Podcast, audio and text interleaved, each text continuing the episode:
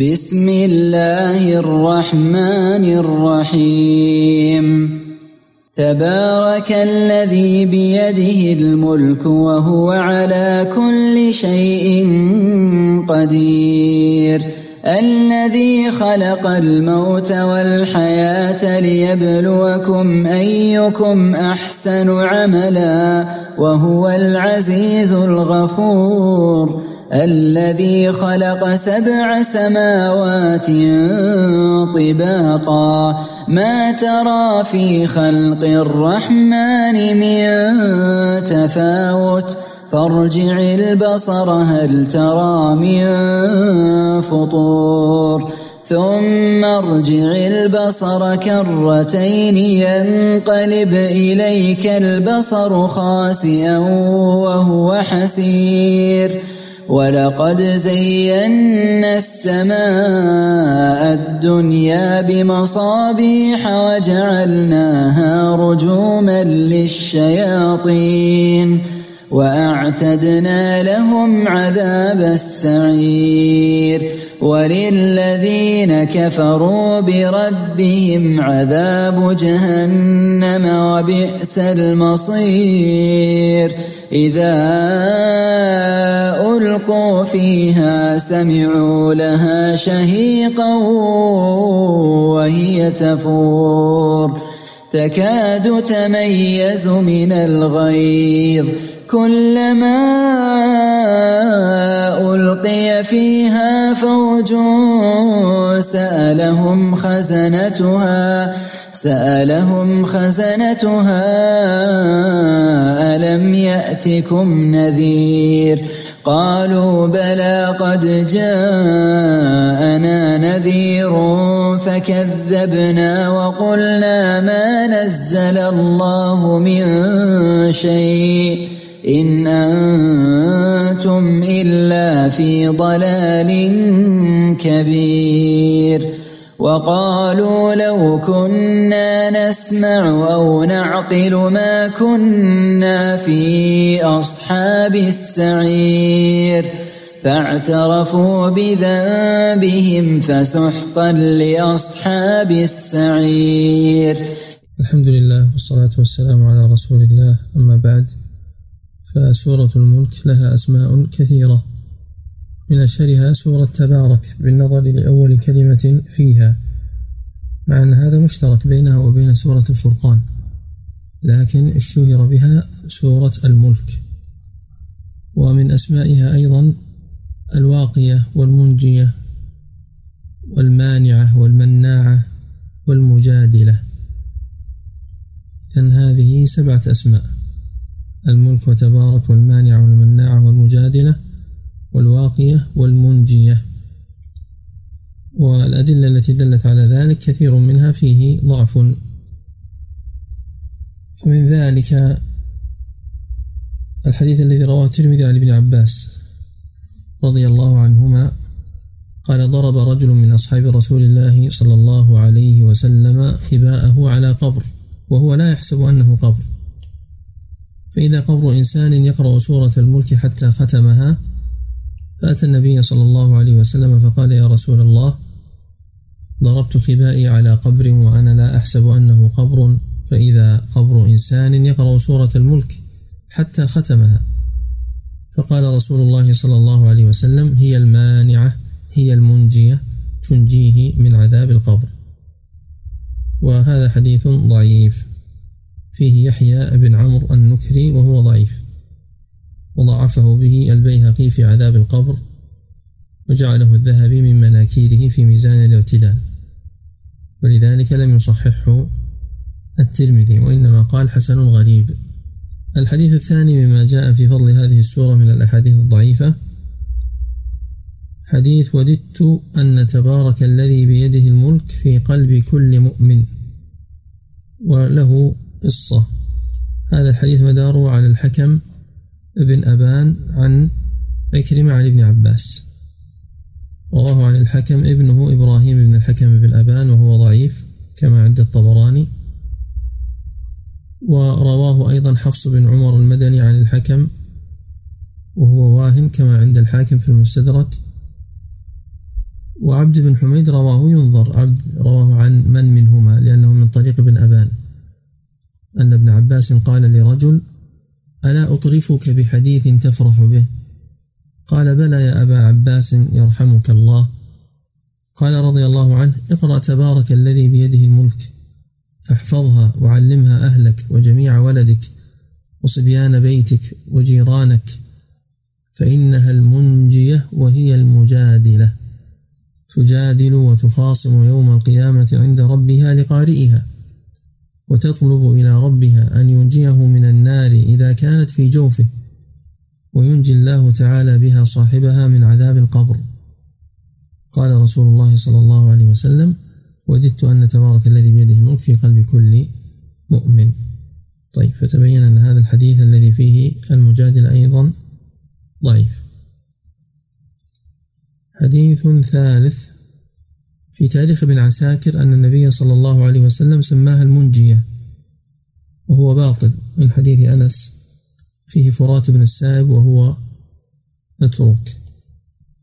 لا إله إلا الله. إذا هذه ثلاثة أحاديث. هناك حديث رابع وهو أفضلها وأحسنها وأسلمها ومع ذلك لا يخلو من علة.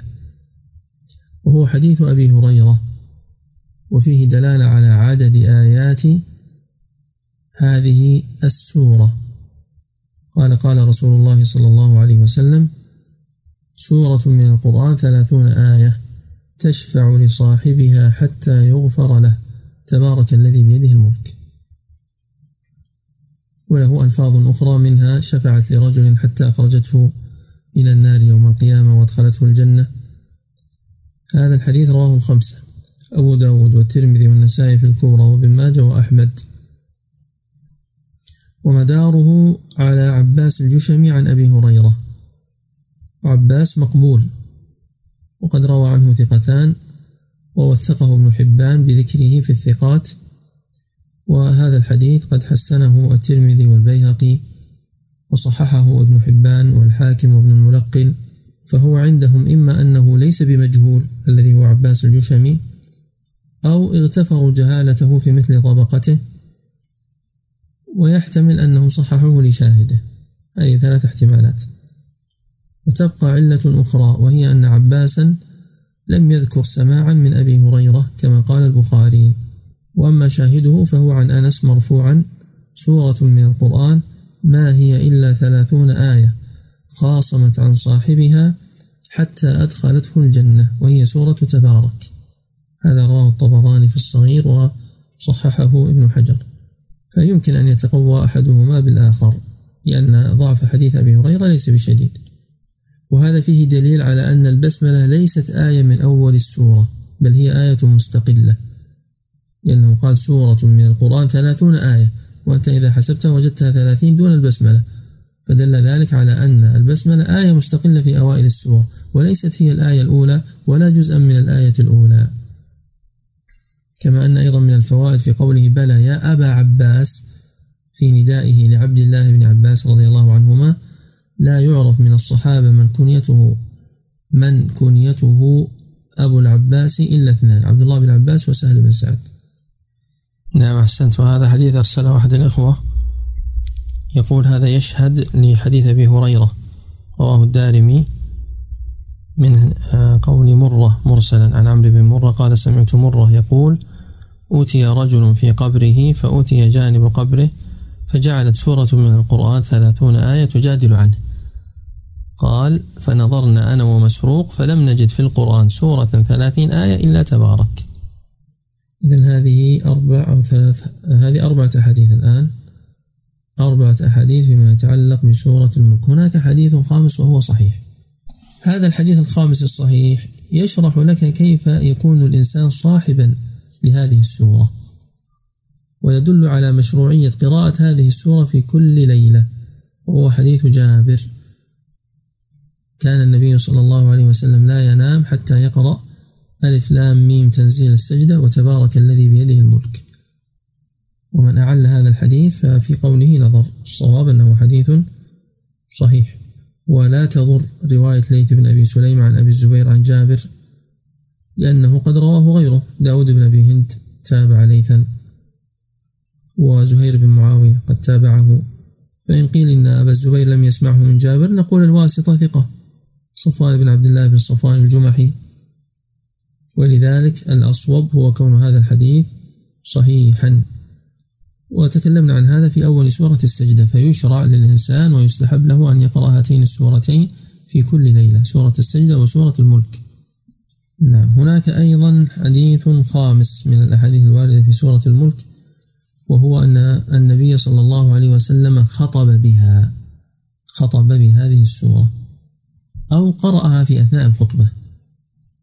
لأن الحديث حديث أبي بن كعب رضي الله عنه أن رسول الله صلى الله عليه وسلم قرأ يوم الجمعة تبارك فذكرنا بأيام الله وأبو الدرداء أو أبو ذر يغمزني.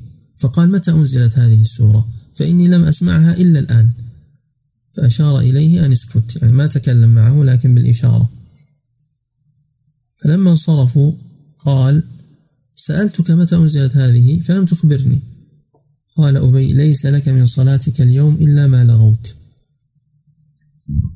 فذهب إلى رسول الله صلى الله عليه وسلم فذكر له وأخبره بما قال أبي فقال رسول الله صلى الله عليه وسلم صدق أبي. هذا حديث رواه ابن ماجه وأحمد وهو حديث صحيح. إذا يشرع للإنسان أن يخطب بسورة الملك كما يشرع له أن يخطب بسورة قاف. سورة قاف سبق معنا أنها ثابتة الخطبة بها ثابتة رواه مسلم في صحيح. هذه السورة سورة مكية بالإجماع كما حكاه ابن الجوزي في زاد المسير والقرطبي في تفسيره. قال تعالى بسم الله الرحمن الرحيم. تبارك الذي بيده الملك وهو على كل شيء قدير. تبارك فعل ماضي مبني على الفتح والاسم الموصول هو الفاعل. وتبارك على وزن تفاعل من البركة وهي الكثرة والاتساع. ومعناها هنا تقدس وثبت ودام وتعاظم وتعالى وارتفع. ولا يقال في حق غير الله تبارك وتعالى تبارك هي خاصة به سبحانه. فلا يقال تباركت علينا. وفي كونه سبحانه وتعالى بيده الملك معنى ظاهر وواضح أن الملك الذي هو السلطان ملك له سبحانه وتعالى. كما قال سبحانه قل اللهم مالك الملك تؤتي الملك من تشاء تنزع الملك ممن تشاء وتعز من تشاء وتذل من تشاء. ولذلك قال ابن عباس بيده الملك يعز من يشاء ويذل من يشاء ويحيي ويميت ويغني ويفقر ويعطي ويمنع. الله مالك كل شيء سبحانه وتعالى هو المتصرف فيه. إذا بيده الملك يعني له الملك. هذا معنى الآية؟ نعم هذا معنى الآية. ولكن هذا كلام يقوله من يؤول اليد بالقدرة ونحو ذلك من التأويلات ومن يثبت لله عز وجل اليد. ولا شك أن الثاني هو مذهب السلف بالإجماع. من إمرارهم للنصوص الدالة على اليد. لكن البحث هنا في معنى الآية. وإثبات اليد من الآية بالالتزام والتضمن ومن آيات أخرى بالمطابقة. من آيات وأحاديث أخرى بالمطابقة. فالله عز وجل له يد. ليست كيد المخلوقين ولكنها ليست بمعنى القدرة أيضا والنعمة. فنثبت لله عز وجل ما أثبته لنفسه. قل أأنتم أعلم أم الله؟ ونثبته على وجه الكمال. ليس كمثله شيء وهو السميع البصير. طيب وهو على كل شيء قدير. هذه عامة. ومن يقول بأن الشيء خاص بالموجود يرد عليه بأن هناك قول بأن الشيء عام في الموجود والمعدوم. الذي خلق الموت والحياة ليبلوكم أيكم أحسن عملا وهو العزيز الغفور. الله عز وجل من صفته أنه خلق الموت والحياة. الله عز وجل خلق الأجسام والمعاني خلق الذوات والأفعال والصفات القائمة بالخلق. فالموت والحياة خلق من خلقه سبحانه وتعالى. كما أنه خلق السعادة والشقاء والعلم والجهل فما يتعلق بالمخلوقين هذه مخلوقة. نحن لا نتكلم عن صفاته سبحانه وتعالى نتكلم عن هذه الأشياء التي تقوم بالمخلوقين. فالله خلق الموت والحياة أي أوجدهما فهو الذي يحيي ويميت. ولماذا قدم الموت على الحياة؟ ذكر فيه القرطبي ثلاثة أوجه. الأول أن الموت أقرب إلى القهر من الحياة. ففيه قهر. الثاني أن الموت أقدم من الحياة لأن الأشياء في حيز العدم ثم توجد وتحيا وتخلق. أمتنا اثنتين وأحييتنا اثنتين فاعترفنا بذنوبنا. المعنى الثالث أن أقوى الدواعي للعمل هو نصب الموت بين عينيك. كما في الحديث. أكثروا ذكر هادم اللذات صححه ابن حبان رواه الترمذي وغيره. جاء في مصنف ابن أبي شيبة عن أحد السلف في كتاب الزهد وأنا أنصحكم جميعا بقراءة كتاب الزهد من مصنف ابن أبي شيبة. جاء فيه أثر أنه مما قيل ما أكثر أحد ذكر الموت إلا ظهر ذلك في عمله. طيب ليبلوكم أيكم أحسن عملا أي ليختبركم؟ أيكم أحسن عملا. وهذا ظاهر في الحياة. يعني خلق الحياة ليظهر الاختبار بين لكن كيف يكون خلق الموت ليبلوكم؟ أيكم أحسن عملا. كيف يظهر حسن العمل بخلق الموت؟ جواب من عدة أوجه. شاركوا. أولا بتذكر الموت. فمن يتذكره يكون أحسن عملا ويستعد له ويحذر منه. ثانيا بالاتعاظ والعبرة. الحي يرى الميت يموت وبالتالي يبتلى بذلك ويختبر بذلك. ثالثا أن يموت له قريب فيكون الابتلاء هو أن يصبر وأن لا يضجر وأن لا يعترض عن القضاء والقدر. إلى غير ذلك من أوجه الابتلاء بالموت. إذا الصواب في كلمة ليبلوكم أي ليختبركم. كما رواه الطبري عن قتادة وكما قاله جمع من المفسرين كالمحلي وأما ما يقوله القرطبي ونحوه من أن ليبلوكم بمعنى ليعاملكم معاملة المختبر فهذا فيه وقفة. تنتبهون لها لأنها أحيانا تتكرر. يقولون ليبلوكم ليعاملكم معاملة المختبر ونحو ذلك من الصفات الأخرى. فنقول إذا فسر الابتلاء بالابتلاء الذي يوصف به المخلوق احتيج لمثل هذا الكلام. لماذا؟ لأن المخلوق يبتلي ليعلم ويختبر ليظهر له ما خفي عليه. ولكن ابتلاء الله تعالى اختبار لا نقص فيه وإنما يختبر ليظهر علمه الباطن في المختبر فيقع ما كان يعلمه منه. فليس المراد ليعامل معاملة المختبر بل ليختبر حقيقة.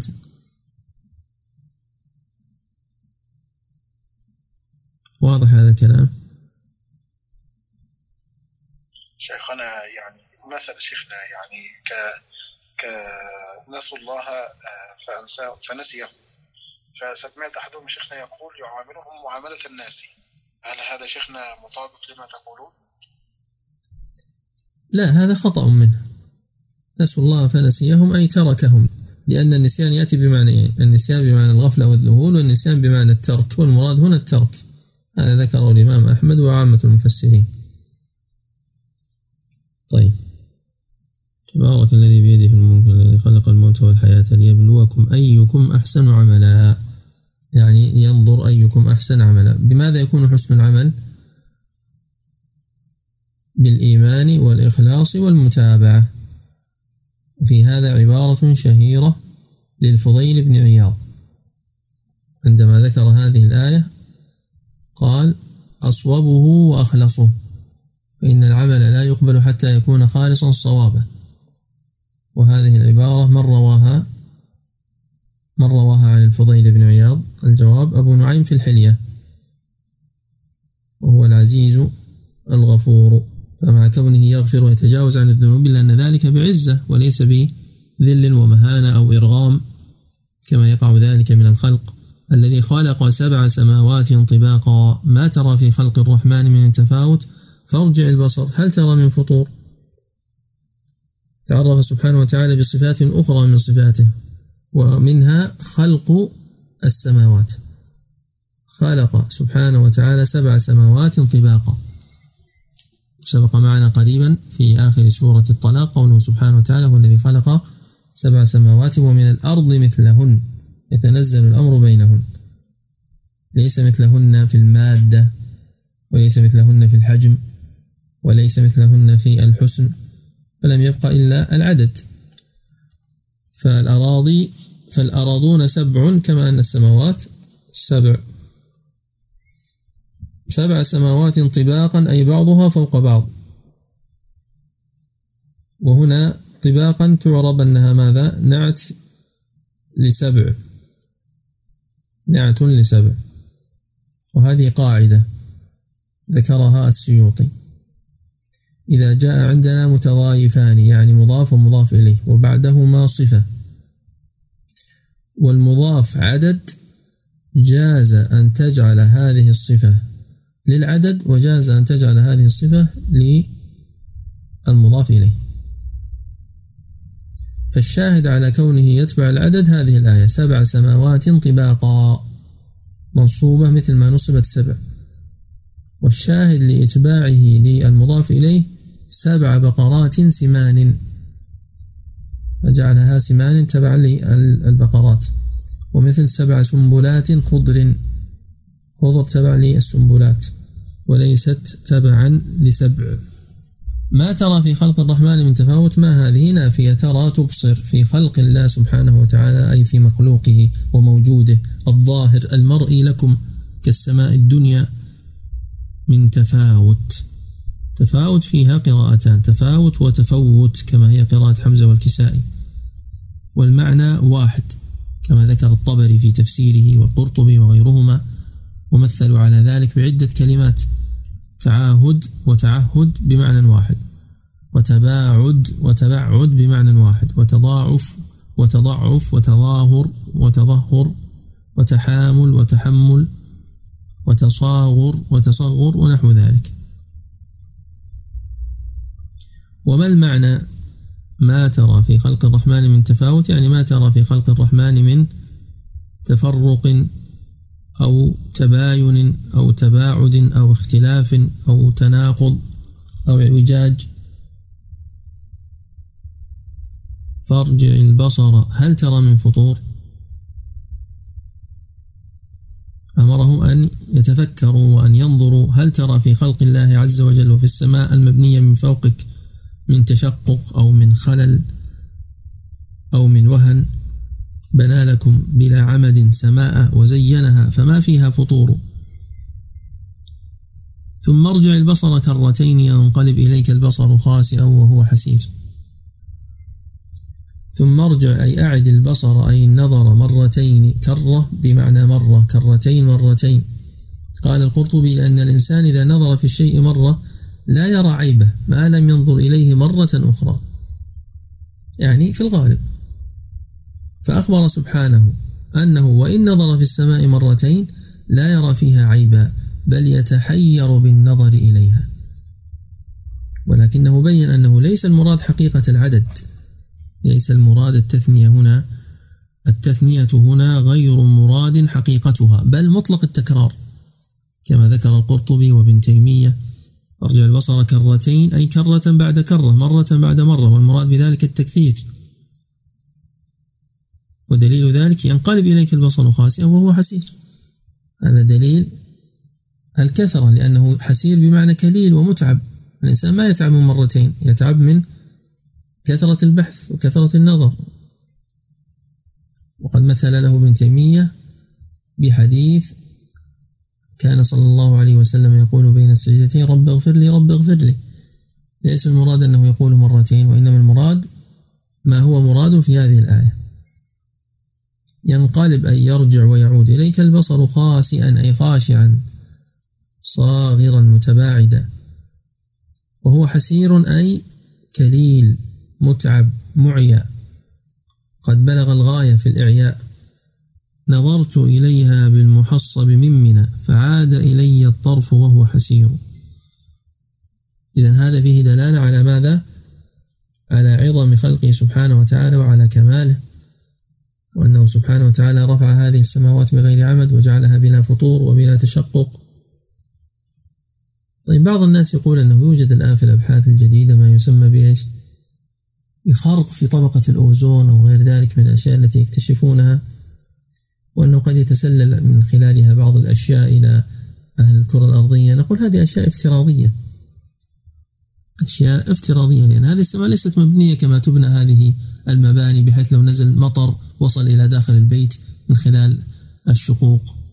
هو عبارة عن هواء وفراغ. ولا شك أن كلامه سبحانه وتعالى أصدق وأوثق ممن يخالف من البشر.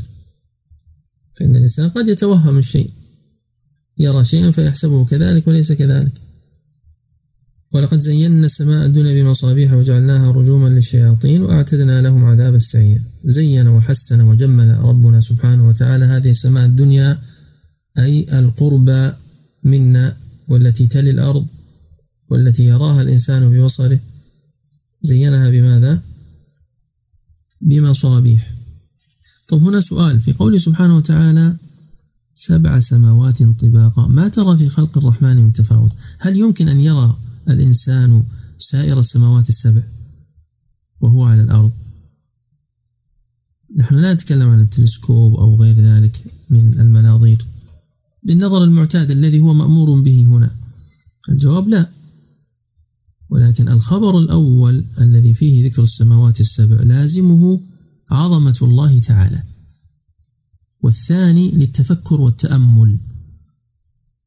ويمكن أن يقال ما ترى ببصرك في المرئي من فطور ولا بعلمك في المعلوم من فطور.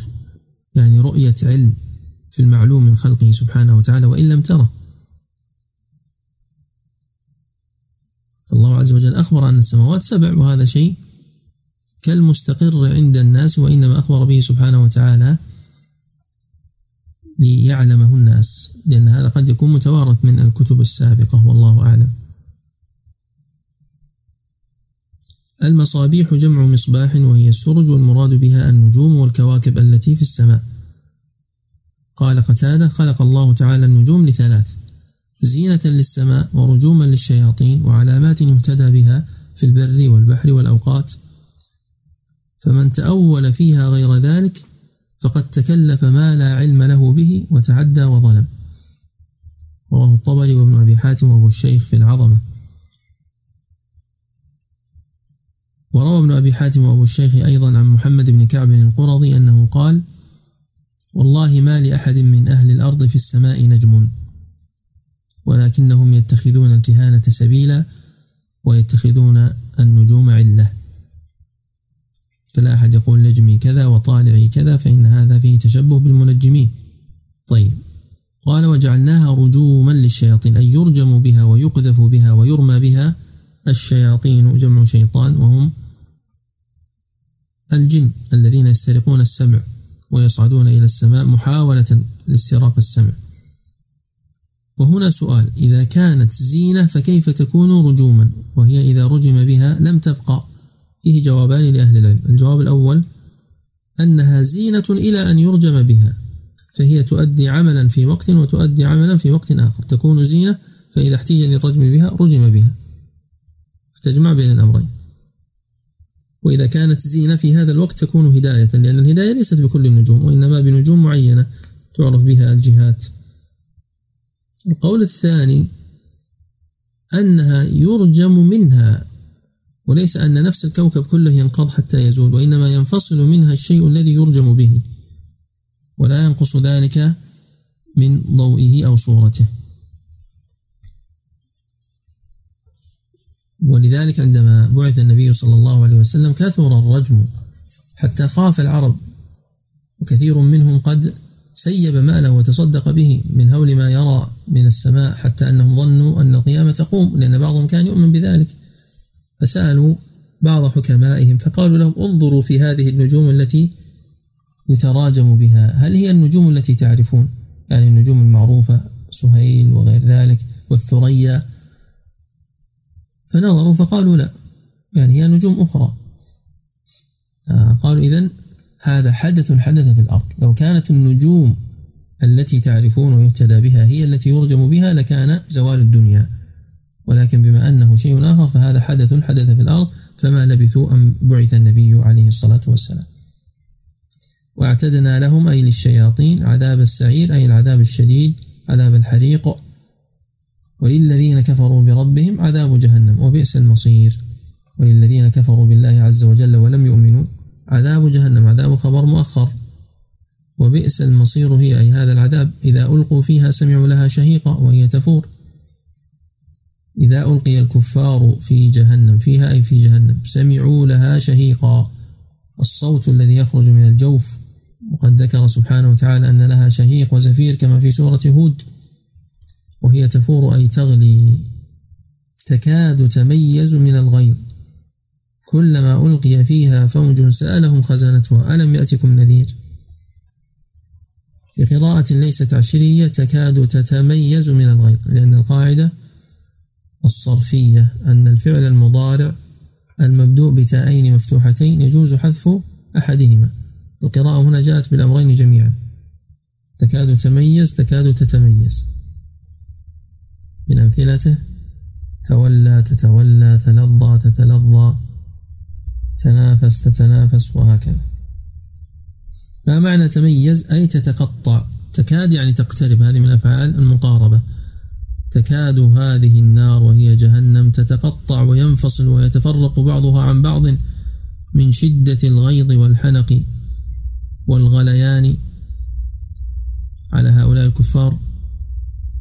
كلما ألقي فيها فوج هنا بعض الناس يخطئ في هذه العبارة. يقول كلما حصل كذا كلما حصل كذا. ما تعيد كلما. لابد أن تأتي بالرابط بجواب كلما. كلما حصل كذا حصل كذا. كلما ألقي فيها فوج سألهم خزنتها. ما قال كلما ألقي فيها فوج كلما سألهم خزنتها. بل بعض الناس في تحقيقاتهم في الكتب وجدنا مثل هذه العبارة. ليس في الكلام فقط. ألقي فيها يعني رمي فيها فوج أي جماعة وفرقة من الكفار سألهم يعني سأل هؤلاء الملقون. خزنتها خزنة جهنم وعددهم تسعة عشر وزعيمهم مالك. والمراد بالخزنة هم المسؤولون عن النار عن إيقادها وتعذيب أهلها وهم حراسها وأهلها الذين وصفهم الله عز وجل بأنهم غلاظ شداد لا يعصون الله ما أمرهم ويفعلون ما يؤمرون. ما هو السؤال؟ ما هو مقول القول؟ سألهم خزنته. ألم يأتكم نذير؟ ألم يجئكم في الدنيا من ينذركم ويخوفكم؟ قالوا بلى. طيب هذا المشهد متكرر في آيات أخرى تأتون بها إلى المجلس القادم. هذا المشهد المذكور في هاتين الآيتين قد جاء في آيات أخرى. فاذكر نظائرها قالوا بلى قد جاءنا نذير. طيب السؤال الذي كان في المجلس السابق هو ما يتعلق بواهلة وواعلة. ولم تصلني إجابة وإنما هناك محاولات. كان السؤال هو تخريج ذلك. أن امرأة نوح يقال لها واهلة وقيل والهة. وامرأة عفوا أن امرأة لوط والهة وقيل واهلة. وامرأة نوح واعلة وقيل والعة. ومنهم من قلب أيضا. وهذا في الحقيقة لم يرد مرفوعا بإسناد يصح وإنما ذكروه مرسلا بعض المتأخرين. ومن ذكره ذكر علته معه. الزمخشري عندما ذكر ذلك عن عائشة وأنها سألت النبي صلى الله عليه وسلم ما بال مريم ابنة عمران سميت وامرأة نوح وامرأة لوط لم يسميا فبين النبي صلى الله عليه وسلم اسميهما لها قال وآثار الصنعة عليه بين. أن الزمخشري مع كونه ليس متخصصا في الحديث يقول أثر الوضع والكذب في هذا الحديث واضح. ولكن هذا شيء مشهور عند العلماء بلا إسناد يعني بلا تسمية. قد يكون تلقوه عن بني إسرائيل الله أعلم. ومن أقدم من ذكره مقاتل. وممن ذكره الهاشمي صاحب المحبر. المتوفى في حدود 247 فهذان الاثنان وكذلك السهيلي والماوردي والبغوي وابن الجوزي والقرطبي وابن كثير في تاريخه البداية والنهاية والبقاع والمحل والسيوط في الإتقان والخازن. كل هؤلاء وغيرهم ممن ذكروا هذه التسمية لكنها لا تصح منسوبة إلى النبي صلى الله عليه وسلم. طيب. إذا كان السؤال منفيا ألم يحصل كذا؟ فقلت بلى. فهل المراد إثباته أو نفيه؟ المراد الإثبات. ألم يأتكم نذير؟ بلى. قد جاءنا نذير. ألم تصلي الفجر؟ بلى. أي قد صليت الفجر. لأنك لو قلت نعم معناه لم أصلي. تصديق النفي. نعم معناه تصديق النفي. أن الأمر كما ذكرت في نفي في كونه منفيا. بلى قد جاءنا نذير وخوفنا لكن قالوا فكذبنا وقلنا ما نزل الله من شيء. فاعترفوا بما وقع منهم من تكذيب الرسل. قوله سبحانه وتعالى إن أنتم إلا في ضلال كبير فيه قولان. القول الأول أنه تابع لقول الكفار وأنهم يقولون عن أنفسهم أنهم قالوا ما نزل الله من شيء وقالوا للرسل إن أنتم أيها الرسل إلا في ضلال كبير. القول الثاني أن هذا تقوله الملائكة لهم. فينتهي قولهم عند شيء. قلنا ما نزل الله من شيء انتهى. فتقول لهم الملائكة إن أنتم إلا في ضلال كبير. وقالوا لو كنا نسمع أو نعقل ما كنا في أصحاب السعير. قالوا بلى قد جاءنا نذير فكذبنا وقلنا ما نزل الله من شيء إن أنتم إلا في ضلال كبير. ضلال كبير واضح عكس الهدى. وفي وصفه بكونه كبيرا لأن أكبر شيء من درجات الضلال وأنواعه الكفر وهم فيه واقعون. وقالوا لو كنا نسمع أو نعقل ما كنا في أصحاب السعير. لماذا بدأ هؤلاء الكفار بذكر السمع قبل العقل؟ يقول الطاهر بن عاشور لأن سمع الدعوة من النذير هو أول ما يتلقاه المنذر. أول شيء يتلقاه المنذر هو السماع يسمع حتى يعرف ماذا يريد أن يقول. ثم يعملون عقولهم في التدبر فإذا لم يهدهم الله عز وجل ولم ترشدهم عقولهم كفروا. فهم قالوا لو كنا نسمع فعلا أو نعقل ما كنا في أصحاب السعير. طبعا لم يكونوا يسمعون لو كانوا لا يسمعون كيف عرفوا كلام الرسل وكيف ردوا عليهم؟ الجواب لو كنا نسمع سمعا ينفع. سمعا حقيقيا. ولو كنا نعقل عقلا صوابا ما كنا في أصحاب السعير. وما دخلنا النار. فسمعهم الذي هو إدراك المسموعات كلا سمع لأنهم لم ينتفعوا به. وعقلهم لأمر الدنيا مهما بلغوا في التطور في الدنيا فهو كلا عقل لأنه لم يهدهم للهدى وللإسلام. يعلمون ظاهرا من الحياة الدنيا وهم عن الآخرة هم غافلون. وهذا الاعتراف لو كان في الدنيا لنفعهم لكنهم اعترفوا وهم في النار بعد أن دخلوا السعير. قال تعالى فاعترفوا بذنبهم فسحقا لأصحاب السعير أي بعدا لهم. قال ابن القيم في طريق الهجرتين وشهدوا على أنفسهم بالكفر والظلم وعلموا أنهم كانوا كاذبين في الدنيا مكذبين بآيات ربهم مشركين به جاحدين لإلهيته مفترين عليه. وهذا اعتراف منهم بعدله فيهم وأخذهم ببعض حقه عليهم وأنه غير ظالم لهم وأنهم إنما دخلوا النار بعدله وحمده وإنما عوقبوا بأفعالهم بما كانوا قادرين على فعله وتركه لا كما يقول الجبرية. الجبرية يقولون نحن مجبورون على أفعالنا. طيب إذا دخلوا النار يعرفون حينئذ هل كانوا مجبورين أم لا. نقطة أخيرة فسحقا فيها قراءتان. فسحقا فسحقا في الضم والسكون. والسحق واد في جهنم كما رواه الطبري وابن أبي شيبة عن سعيد بن جبير. أو التفسير الثاني فسحقا أي فبعدا لأصحاب السعير. وبهذا ننتهي مما أردناه وصلى الله وسلم على نبينا محمد وعلى آله وصحبه.